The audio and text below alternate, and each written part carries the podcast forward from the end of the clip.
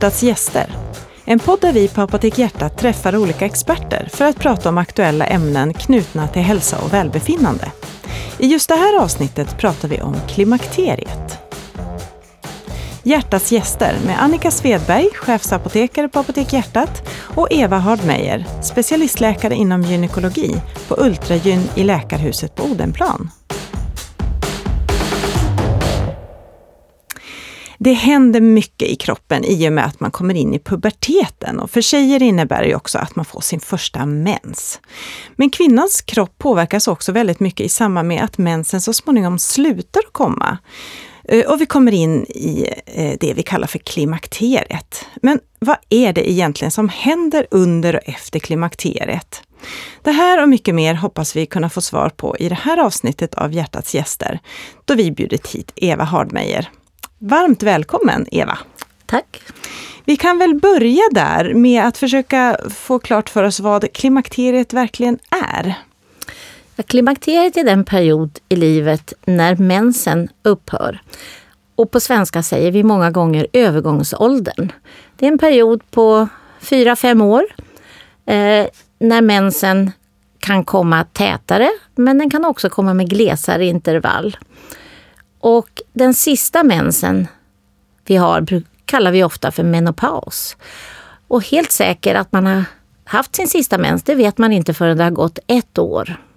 Då kan man säga att då har våra äggstockar slutat att fungera och vi får då ingen mer mens. Mm.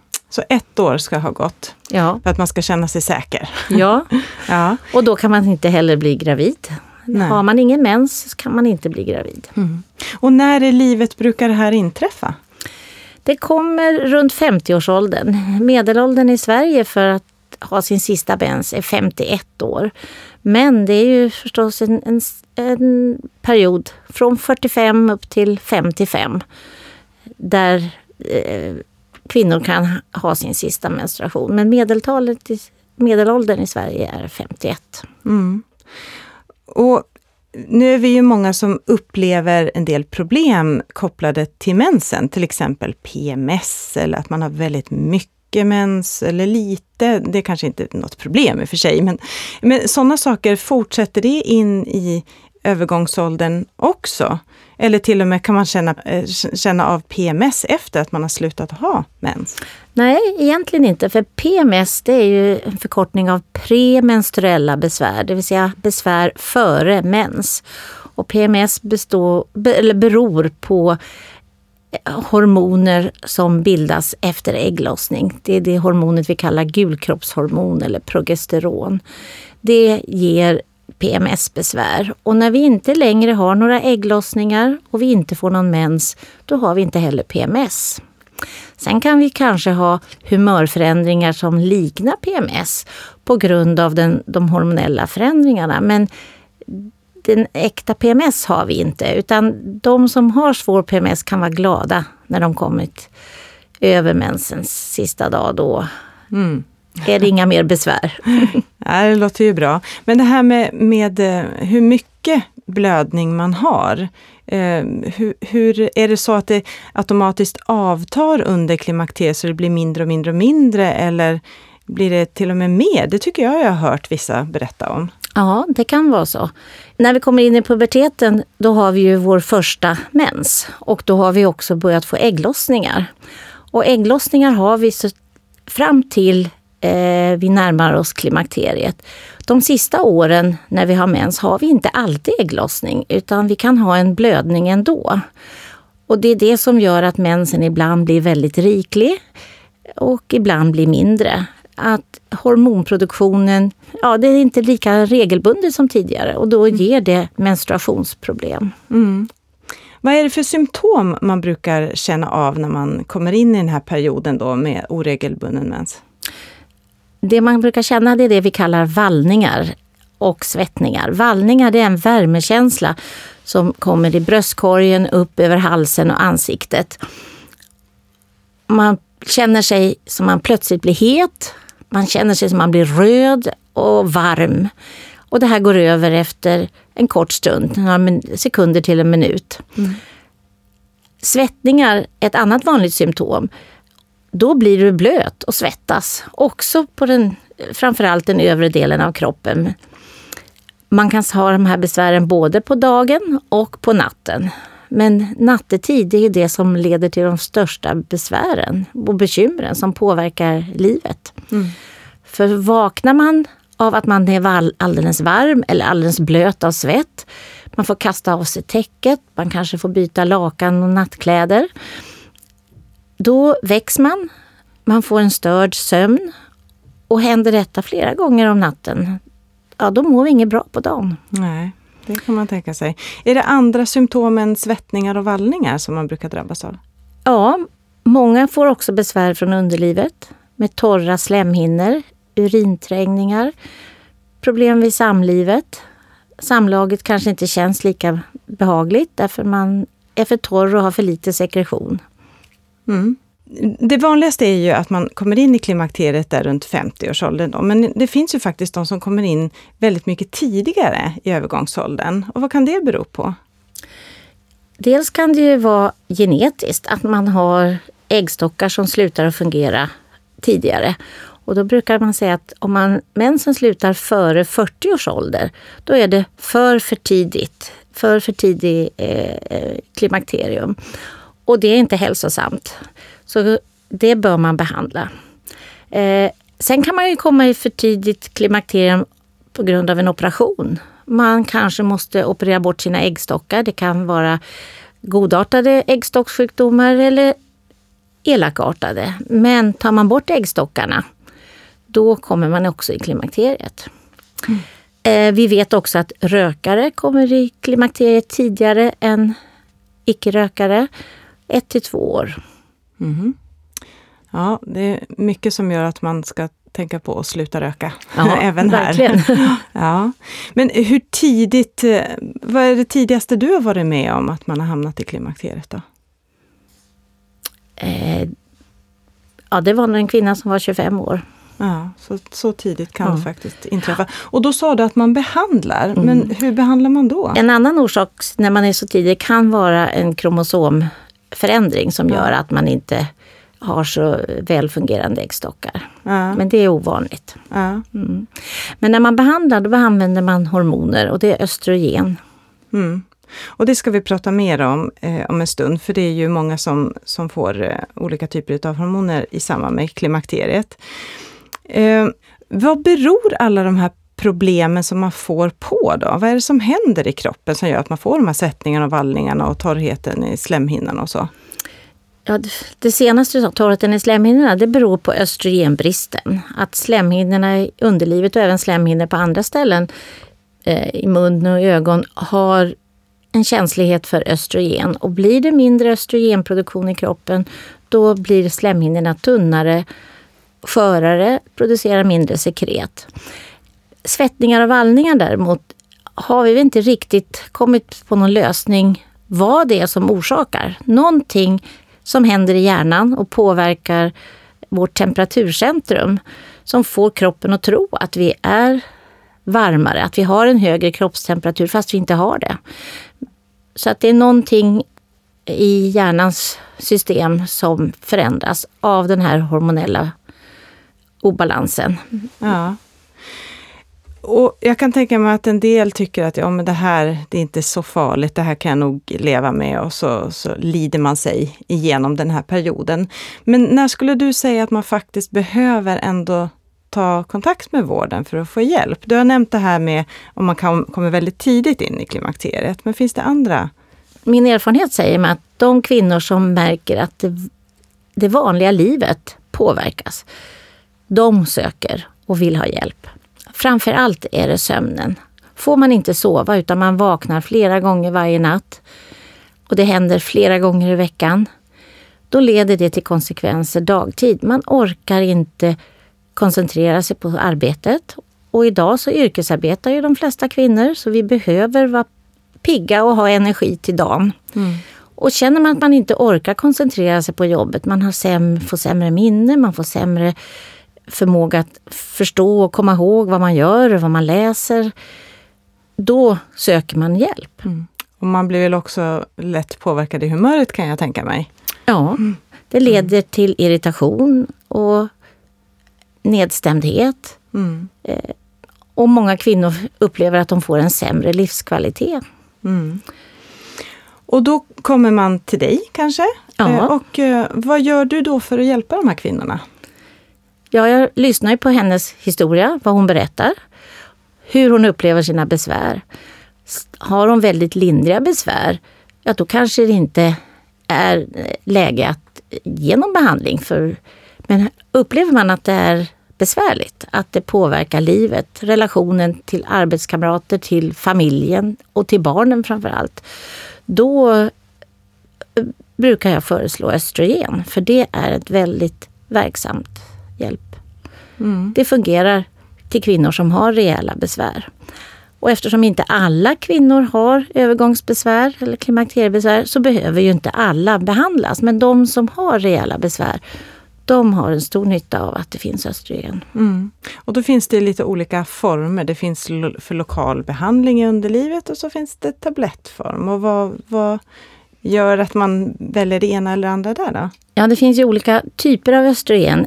Det du nämnde om behandling av till underlivet, det är framförallt de kvinnor som enbart har besvär med torra slemhinnor, svårigheter vid samlag, eh, urinträngningar, svårt att hålla tätt, urininkontinens kan också komma i den här perioden. Då använder man lokal behandling och det finns dels sånt som säljs receptfritt på apoteket och det finns preparat som vi kan skriva ut på recept. Det finns inga eh, tecken på att det skulle vara några biverkningar på lång sikt utan det kan man lugnt ta alla kvinnor. Har man däremot besvär med svettningar och vallningar, man vaknar på nätterna, då behöver man lite mer potent östrogen. Och det kan tillföras som tabletter eller via huden i form av plåster eller gel. Mm.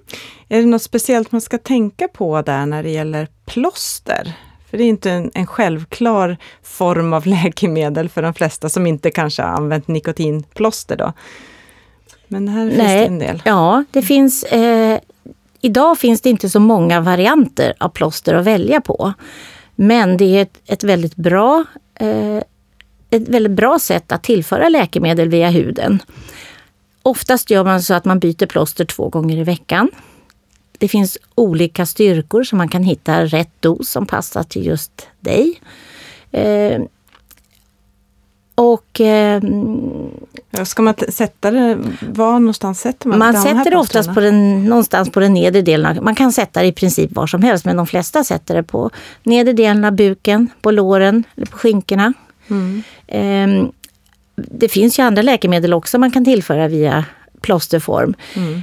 De kvinnor som inte klarar det, det är de som har väldigt känslig hud och lätt får irritation. Kanske inte tål vanliga plåster, eh, sårplåster heller. Så att, eh, alla kan inte använda det. Mm. Tabletter är det, an- är det som har funnits längst och det som kanske har använts mest. Ehm, Det kan finnas lite fördel med plåster jämfört med tabletter eh, ur risksynpunkt. Mm, Det finns vissa eh, fakta som tyder på att det skulle kunna vara bättre i risksynpunkt att man har mindre risk för blodpropp. Eh, Men plåster går inte för alla att använda så då är det bra att det finns tabletter. Mm. Ge- Gel finns ju också men det är inte lika populärt i vårt land. Det, det sägs att franska kvinnor de tycker om att smörja sig så de använder mycket östrogengel. Okej. När du pratade om, om risker kopplade till östrogenbehandling, vad handlar det då om för risker? Det man har sett är att när man använder östrogen mer än fem år, och då gäller det östrogen i form av tabletter eller plåster och inte lokal östrogenbehandling i slidan. Om man har haft behandling mer än fem år så är det en liten ökad risk för bröstcancer. Man har också sett en påverkan att man kan ha större risk för stroke och blodpropp. Eh, Senare studier har dock visat att använder man östrogen i samband med att man kommer i klimakteriet, då är det inte lika stor risk för blodpropp. Vi tror att blodkärlen mår gott av östrogen och fortsätter man med behandling när den egna har slutat i nära anslutning så att det inte går för lång tid emellan, för många år emellan. Då tror vi att vi har en bättre effekt på blodkärlen och mindre risk för kärlsjukdom. Och hur stor är den här riskökningen då? Ja, men jag brukar säga att av tusen kvinnor så är det 45 som får bröstcancer.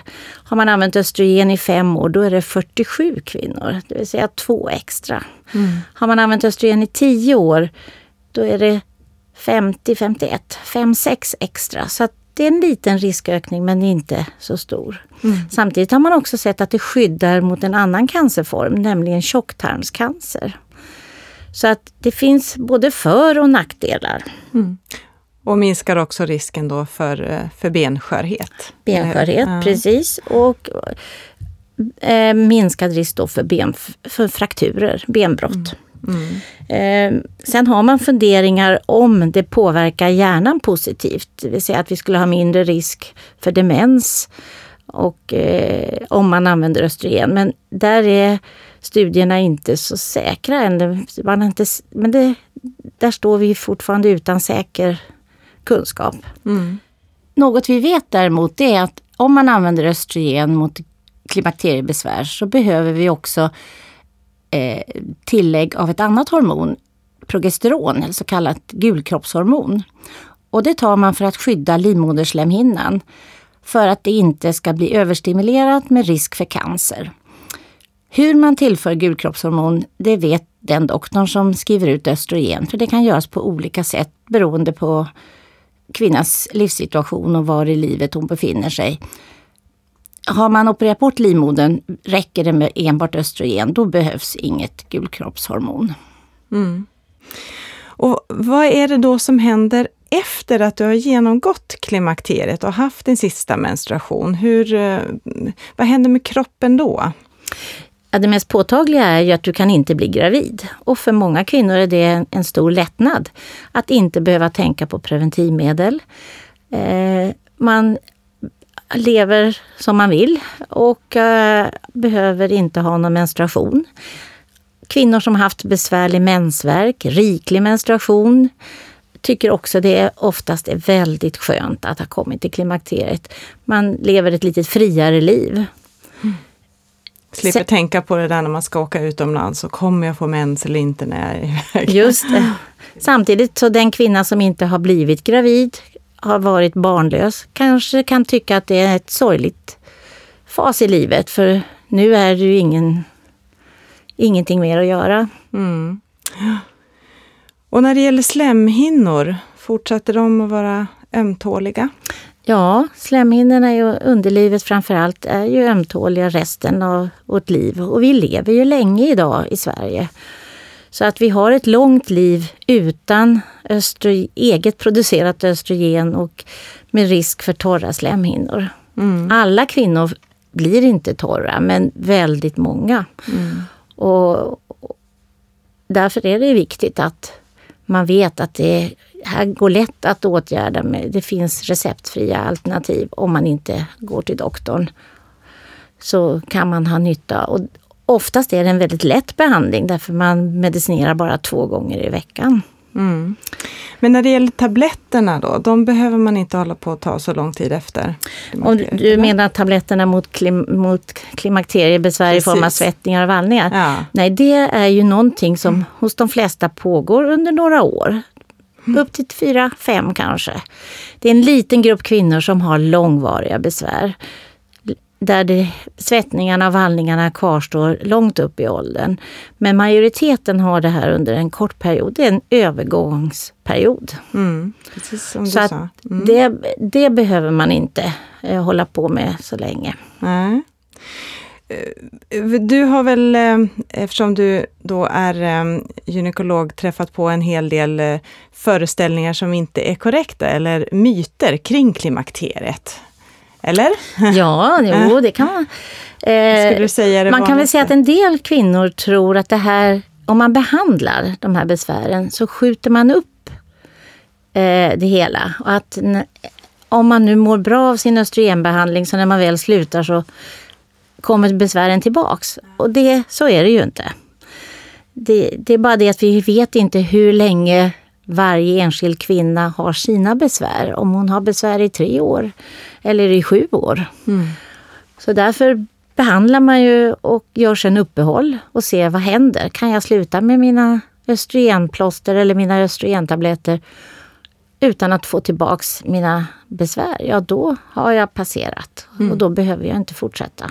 Mm. Sen finns det ju en myt att det här är något naturligt och naturliga företeelser ska man inte göra någonting åt utan låta det hela bara vara.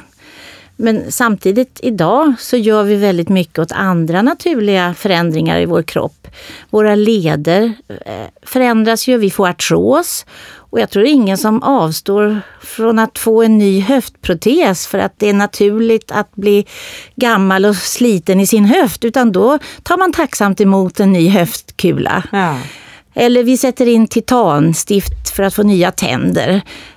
Fast för länge sedan så var det förstås naturligt att äldre människor inte hade några tänder. Mm. Men vi gör ju saker eh, för att förbättra vår livskvalitet.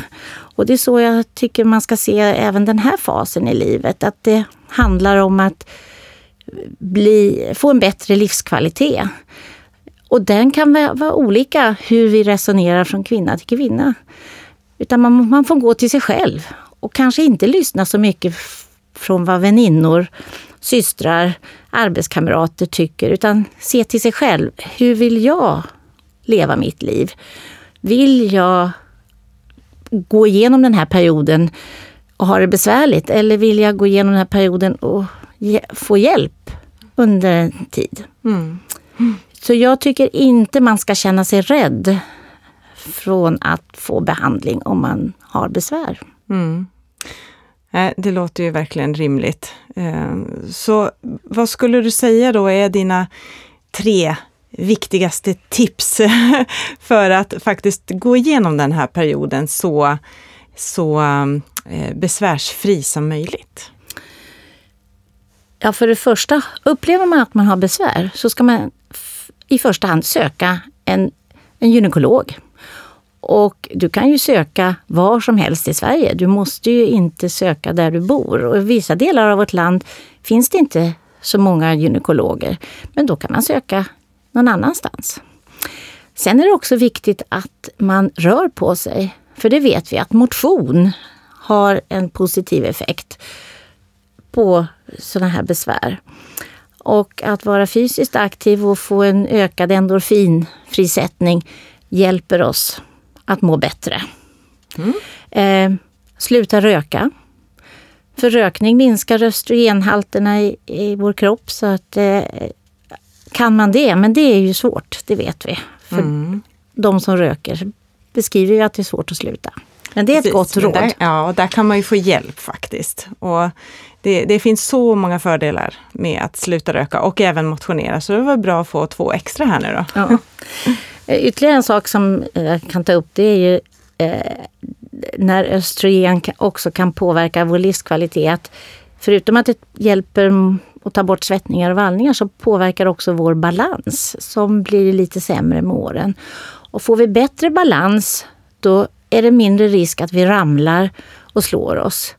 Och östrogenet under tiden det produceras har varit en positivt hormon för vårt skelett.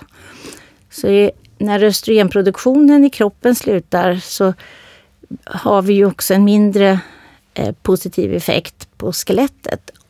I kombination med att balansen också mm, eh, påverkas. Så att det finns fler positiva effekter än det vi har pratat om tidigare. Mm, precis, och, och, det är ju en av anledningarna där till att också verkligen se till att behandla om man kommer väldigt tidigt i klimakteriet. Då. Så man ökar risken för för benbrott och fallskador och så längre fram mm. i livet. Ja, då tror jag att vi kan knyta ihop säcken där. Eh, vi har fått med oss mycket från den här stunden. Eh, det jag kan konstatera, jag som börjar närma mig den här åldern, det är att eh, tänka på att eh, inte vara orolig för att faktiskt söka hjälp om det blir för jobbigt. Det finns bra hjälp att få och det är faktiskt väldigt låg risk ändå med de, eh, de behandlingsformer som finns. Och det finns väldigt mycket positivt också. Eh, så man ska inte genomlida den här perioden i onödan. Utan må så bra man kan och det man man dessutom kan göra, det är att försöka motionera så mycket man kan. Eh, det tar jag också med mig. Eh, det behövs av flera olika andra anledningar för min del. så nej, men tack så jättemycket Eva för att du kom och delade med dig av din kunskap inom det här området.